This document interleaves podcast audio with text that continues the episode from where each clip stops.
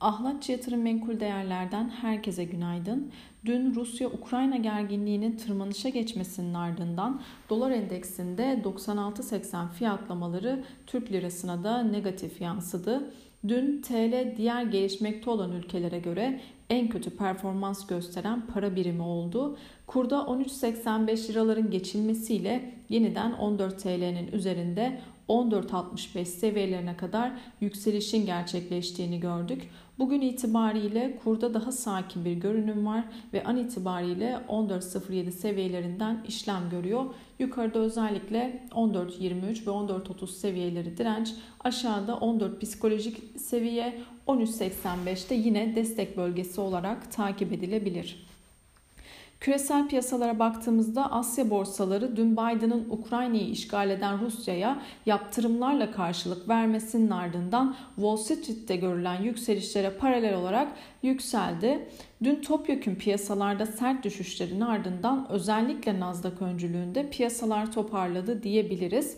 Asya borsaları büyük çoğunlukla pozitif kapatırken ABD vadelileri bu sabah negatif yönde seyrediyor.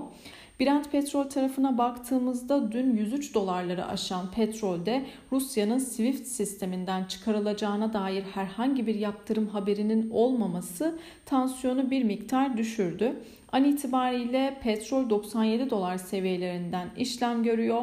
Yine olası olumsuz haber akışları ile birlikte yukarıda 100 dolar hem psikolojik hem de önemli bir direnç konumunda diyebiliriz.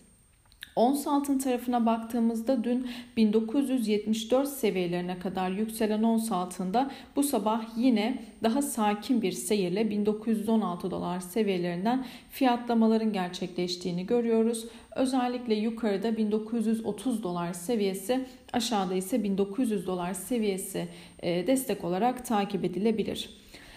Yurt içi piyasalara baktığımızda Borsa İstanbul tarafında dün sert satışların etkisiyle 100 günlük üstsel hareketli ortalamasının hemen altında %8 değer kaybıyla 1851 seviyesinden kapattığını görüyoruz.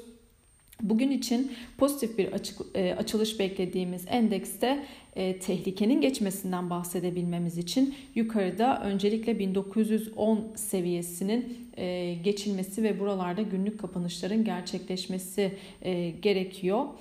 Bugün yurt dışında ee, Almanya büyüme, Amerika'da çekirdek dayanıklı mal siparişleri ve Avrupa Merkez Bankası Başkanı Lagarde'ın konuşmaları takip edilecek. Herkese bol kazançlı güzel bir gün dilerim.